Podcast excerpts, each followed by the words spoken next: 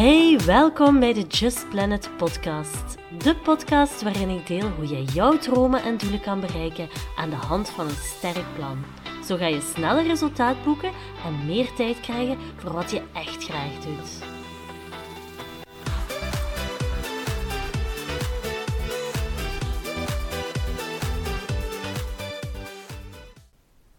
Hey, welkom in de derde Just Planet podcast aflevering. In deze aflevering gaan we jouw ideale plan uittekenen. En we doen dit aan de hand van de actiepunten die je vorige keer voor jezelf hebt opgeschreven. Had je dit dus nog niet gedaan, dan raad ik je aan om de vorige podcastafleveringen eerst te luisteren. Ze duren zeker niet lang, maar ze gaan je wel de nodige hulp bieden bij het helder krijgen van je doelen en actiepunten. Van hieruit kunnen we dan aan de slag. Als je actiepunten duidelijk zijn, dan kunnen we van start gaan met plannen. En in eerste instantie gaan we een tijdlijn maken van al je actiepunten. Dus je gaat dus jouw lijst in chronologische volgorde zetten. Als we hierbij terug het voorbeeld van het nieuwe huis aankopen aanhalen, bijvoorbeeld, dan ga je dus alle stappen die je genoteerd hebt in de juiste volgorde zetten. Je gaat bijvoorbeeld eerst inzicht krijgen in je huidige financiële situatie, dan ga je jezelf spaardoelen zetten of investeringen doen, dan ga je apps downloaden en de huizenmarkt bestuderen, vervolgens ga je je huidige woning in orde zetten enzovoort, totdat je dus eigenlijk op het punt komt waarop je het huis kan aankopen En bij je onderneming doe je net hetzelfde. Zet alle stappen die je dus moet zetten om bij jouw ideale onderneming te komen, zet die nu in chronologische volgorde. Dit gaat jou enerzijds een bepaalde structuur geven en anderzijds ook een overzicht. Wanneer je tijdlijn af is, kan je mijlpalen gaan toewijzen. Dit gaat je gaandeweg motiveren. Bijvoorbeeld als je een bepaald spaardoel haalt of als je een omzetdoel gehaald hebt, dan kan je deze als mijlpaal zetten. Dit kan ook zeker voor andere zaken. Hè? Bijvoorbeeld, je hebt je aanbod schaalbaar gemaakt of je hebt nieuwe vormen van inkomsten aangeboord. Die kleine mijlpalen die zijn er echt om te vieren dat je op goede weg bent. Het stimuleert je positieve ingesteldheid. Nu, de volgende stap is het moeilijkste, omdat in deze stap ga je tijd moeten toewijzen per actiepunt. We hebben ze nu wel in chronologische volgorde gezet, maar nu gaan we nog moeten kijken van oké, hoe lang ben ik daar nu mee bezig? En ja, dit is natuurlijk altijd een indicatie, hè, want je gaat nooit exact weten hoe lang dat je ermee bezig bent. Maar het zou jouw richtlijn moeten worden. Hè. Het zou je een idee moeten geven van, oké, zo lang ben ik per actiepunt bezig. En dan kan je zelf ook deadlines zetten. En je weet waarschijnlijk ook, wanneer je een deadline zet, ja, dan ga je altijd sneller resultaten boeken. Nu haal je dat niet, ja, ook oké. het is en blijft een richtlijn.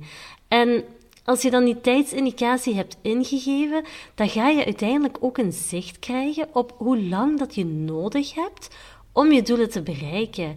En ja, dat geeft jou ook een gevoel van: oké, dit is haalbaar. En dan is het tijd om op te splitsen. We beginnen altijd met jaardoelstellingen. We weten nu ongeveer hoe lang je overal voor nodig gaat hebben. Je kan dat allemaal samentellen en dan weet je van, oké, ik ben hier een jaar mee bezig, ik ben hier vijf jaar mee bezig. En we gaan kijken wat we kunnen doen per jaar. Dus je gaat eigenlijk per jaar invullen van deze dingen wil ik nu in dit jaar bereiken, dit wil ik volgend jaar bereiken, dit het jaar nadien. Je maakt een heel duidelijke opsplitsing. Als je dit gemaakt hebt, kan je eigenlijk per jaar gaan kijken hoe je dat kan indelen in maanddoelstellingen en tot slot, tot slot ook in weekdoelstellingen. Nu, even voor de duidelijkheid, het is zeker niet de bedoeling dat je dit met vaste blokken in je agenda gaat zetten. Zeker niet. Um, ik doe dat zelf ook niet, want ik word daar zelf ook zenuwachtig van als ik weet van, oh, ik heb nu maar anderhalf uur om iets uit te werken of oh, dit moet ik nog afwerken. En ja, dus dat is absoluut niet de bedoeling. Je gaat niet werken met tijdsblokken, je gaat je stress bezorgen, maar je gaat eigenlijk elke week een soort planning maken en je gaat op die planning gaat je, ga je jouw doelen duidelijk zetten. En dan weet je van, oké, dit moet ik deze week behalen. En ik kan zelf wat kijken wanneer um, dat ik het ertussen krijg. Lukt het niet? Ja, ook oké. Dan schuiven we terug gewoon mee naar volgende week. Dus het doel van dit plan is zeker niet om binnen een bepaalde tijd iets af te werken. Het doel is net om meer gefocust te werk te gaan, om beter prioriteiten te kunnen stellen. Hoe vaak zijn we als ondernemer niet bezig met iets wat niet bijdraagt aan ons einddoel? En daarom, wanneer je een plan hebt, dan kan je eigenlijk bij elke taak die je doet de vraag stellen van, draagt dit bij aan mijn einddoel? Ja, oké, top. Maar als dat niet zo is, oké, dan zou het eigenlijk ook geen prioriteit moeten krijgen.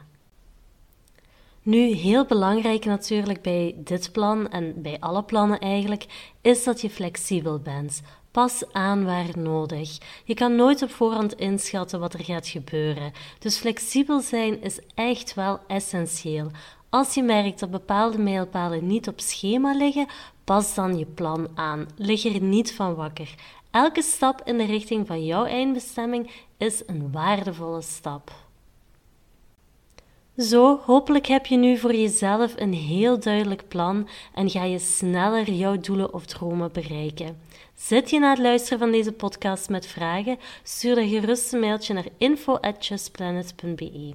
Volg me zeker op Instagram, justplanet.natalie, zonder H, of schrijf je in op de nieuwsbrief via de website www.justplanet.be voor meer tips. Dankjewel, doei!